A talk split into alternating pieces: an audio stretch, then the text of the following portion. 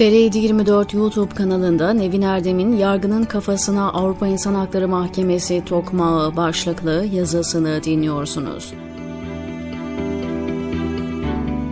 Hani yatacak yerleri yok denir ya, bu sözü en çok hak edenler 15 Temmuz sonrası yargıda görev yapan hakim ve savcılardır herhalde. Gerçekten de yatacak yerleri yok. Nasıl olsun ki? 15 Temmuz sonrası yapılan hukuksuzluklarda başrol oyuncuları yargı mensuplarıydı. Öyle ağır hak ihlalleri yapıldı ki Cenevre'de kurulan ve bu ihlallerin sadece küçük bir bölümünü yargılayan Türkiye Tribünali, eylemlerin insanlığa karşı suç kapsamında değerlendirilmesi gerektiğine karar verdi. Hakimler, anayasada vicdanlarına vurgu yapılan tek meslek grubudur. Hakimler hukuka uygun olarak vicdani kanaatlerine göre hüküm verirler der anayasa. Hukuka uygun karar vermiyorsunuz, bari vicdanlı olun ya da vicdan probleminiz var o zaman hukukun asgari kurallarına uyun. Yok ama ne hukuk var ne vicdan. Ağır mı yazıyorum biraz? İnanın bana bu yazdıklarım o kadar hafif kalır ki yargı mensuplarının yaptıkları karşısında dedim ya yatacak yerleri yok.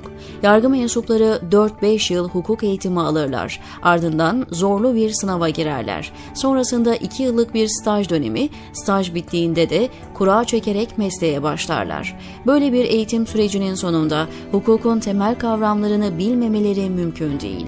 Oysa 15 Temmuz sonrası tutuklama ve yargılamalarında ceza hukukunun en temel ilkeleri ihlal edildi.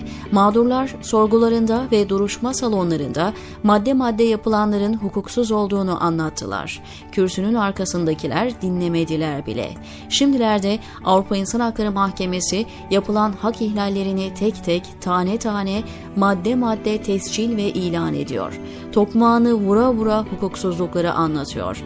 Örneğin 15 Temmuz gecesi evinde engelli çocuğuyla ilgilenen hakim darbeye teşebbüsten suçüstü yakalandınız denilerek gözaltına alındı, tutuklandı.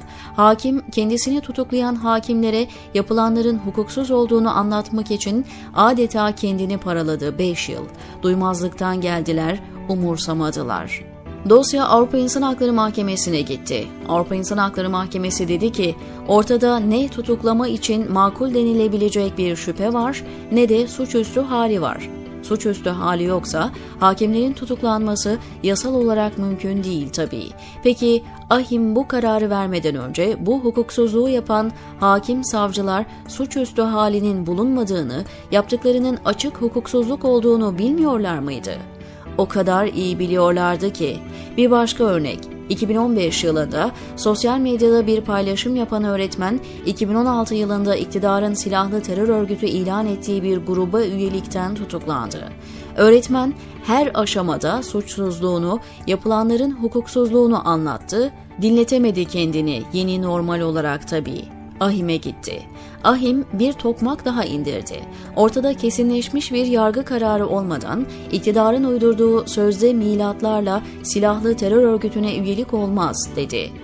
Cemaatin silahlı terör örgütü olduğuna dair ilk kararın, bu kararın hukuksuzluğu ayrı bir konu olmakla birlikte kesinleşme tarihi 26 Eylül 2017'dir. Yani en azından bu tarihten önceki eylemlerle ilgili suçlamalar hukuka aykırıdır. Peki ahim kararı öncesi hakimler bu eylemlerin ifade özgürlüğü kapsamında kaldığını görmüyorlar mıydı? Ya da anayasanın 38. maddesindeki kimse işlendiği zaman yürürlükte bulunan kanunun suç saymadığı bir fiilden dolayı cezalandırılamaz.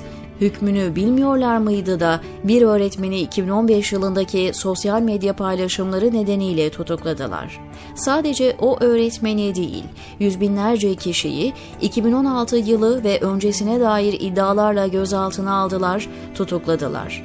Bilmemeleri ne mümkün? Son örnekse Ahim'in gazeteci Nazlı Ilıcak hakkındaki dünkü kararı. Ilıcak bir gruba ait yakın medya organında iktidarın hoşuna gitmeyen yazılar yazdığı için tutuklandı. Çalıştığı medya organları yazdığı yazılar ve sosyal medya paylaşımları gerekçe gösterilerek 70 yaşından sonra yıllarca cezaevinde tutuldu. Anlatmayı iyi bilen Ilıcak kendisine yapılanların hukuksuz olduğunu duruşmalarda çok iyi anlattı. Ancak kürsüdekiler umursamadılar. Ahim'e müracaat etti. Tokmak bu kez Ilıcak için indi. Avrupa İnsan Hakları Mahkemesi dedi ki, ister cemaate, ister başka bir kişi ve kuruma ait olsun, yasal olarak faaliyet gösteren bir kurumda çalışmak, bu kurumdan maaş almak suç değildir. Hakimler ahim kararı öncesinde bunun suç olmadığını bilmiyorlar mıydı peki? Cemaate ait ilgili mevzuata uygun şekilde faaliyet gösteren kolejlerde, dershanelerde, bankada ve diğer kurumlarda çalışan on binlerce insan yıllarca tutuklu kaldı. Ahim, Ilıcak'la ilgili kararında ayrıca bir insan başka bir insanla iletişim kurabilir dedi bu kadar basit bir hususu dahi açıklama gereği duyuyor. Ne yazık ki Türkiye'de bir başka insanla iletişim kurdu diye insanlar yıllarca cezaevinde yatıyorlar. Evet, ahim bir insanın başka bir insanla iletişiminin suç olması için o iletişimin içeriklerine bakılması zorunlu, dedi. Bu zaten hukukun A, B, C'si değil mi? Yargının kafasına ahim tokmağı inmeye devam edecek. Çünkü Türkiye'deki hukuksuzluklar ahim hakimi Küris'in ifadesiyle tsunami oluşturacak boyutta ve bu hukuksuzluklar en basit hukuk ilkeleri ihlal edilerek veriliyor.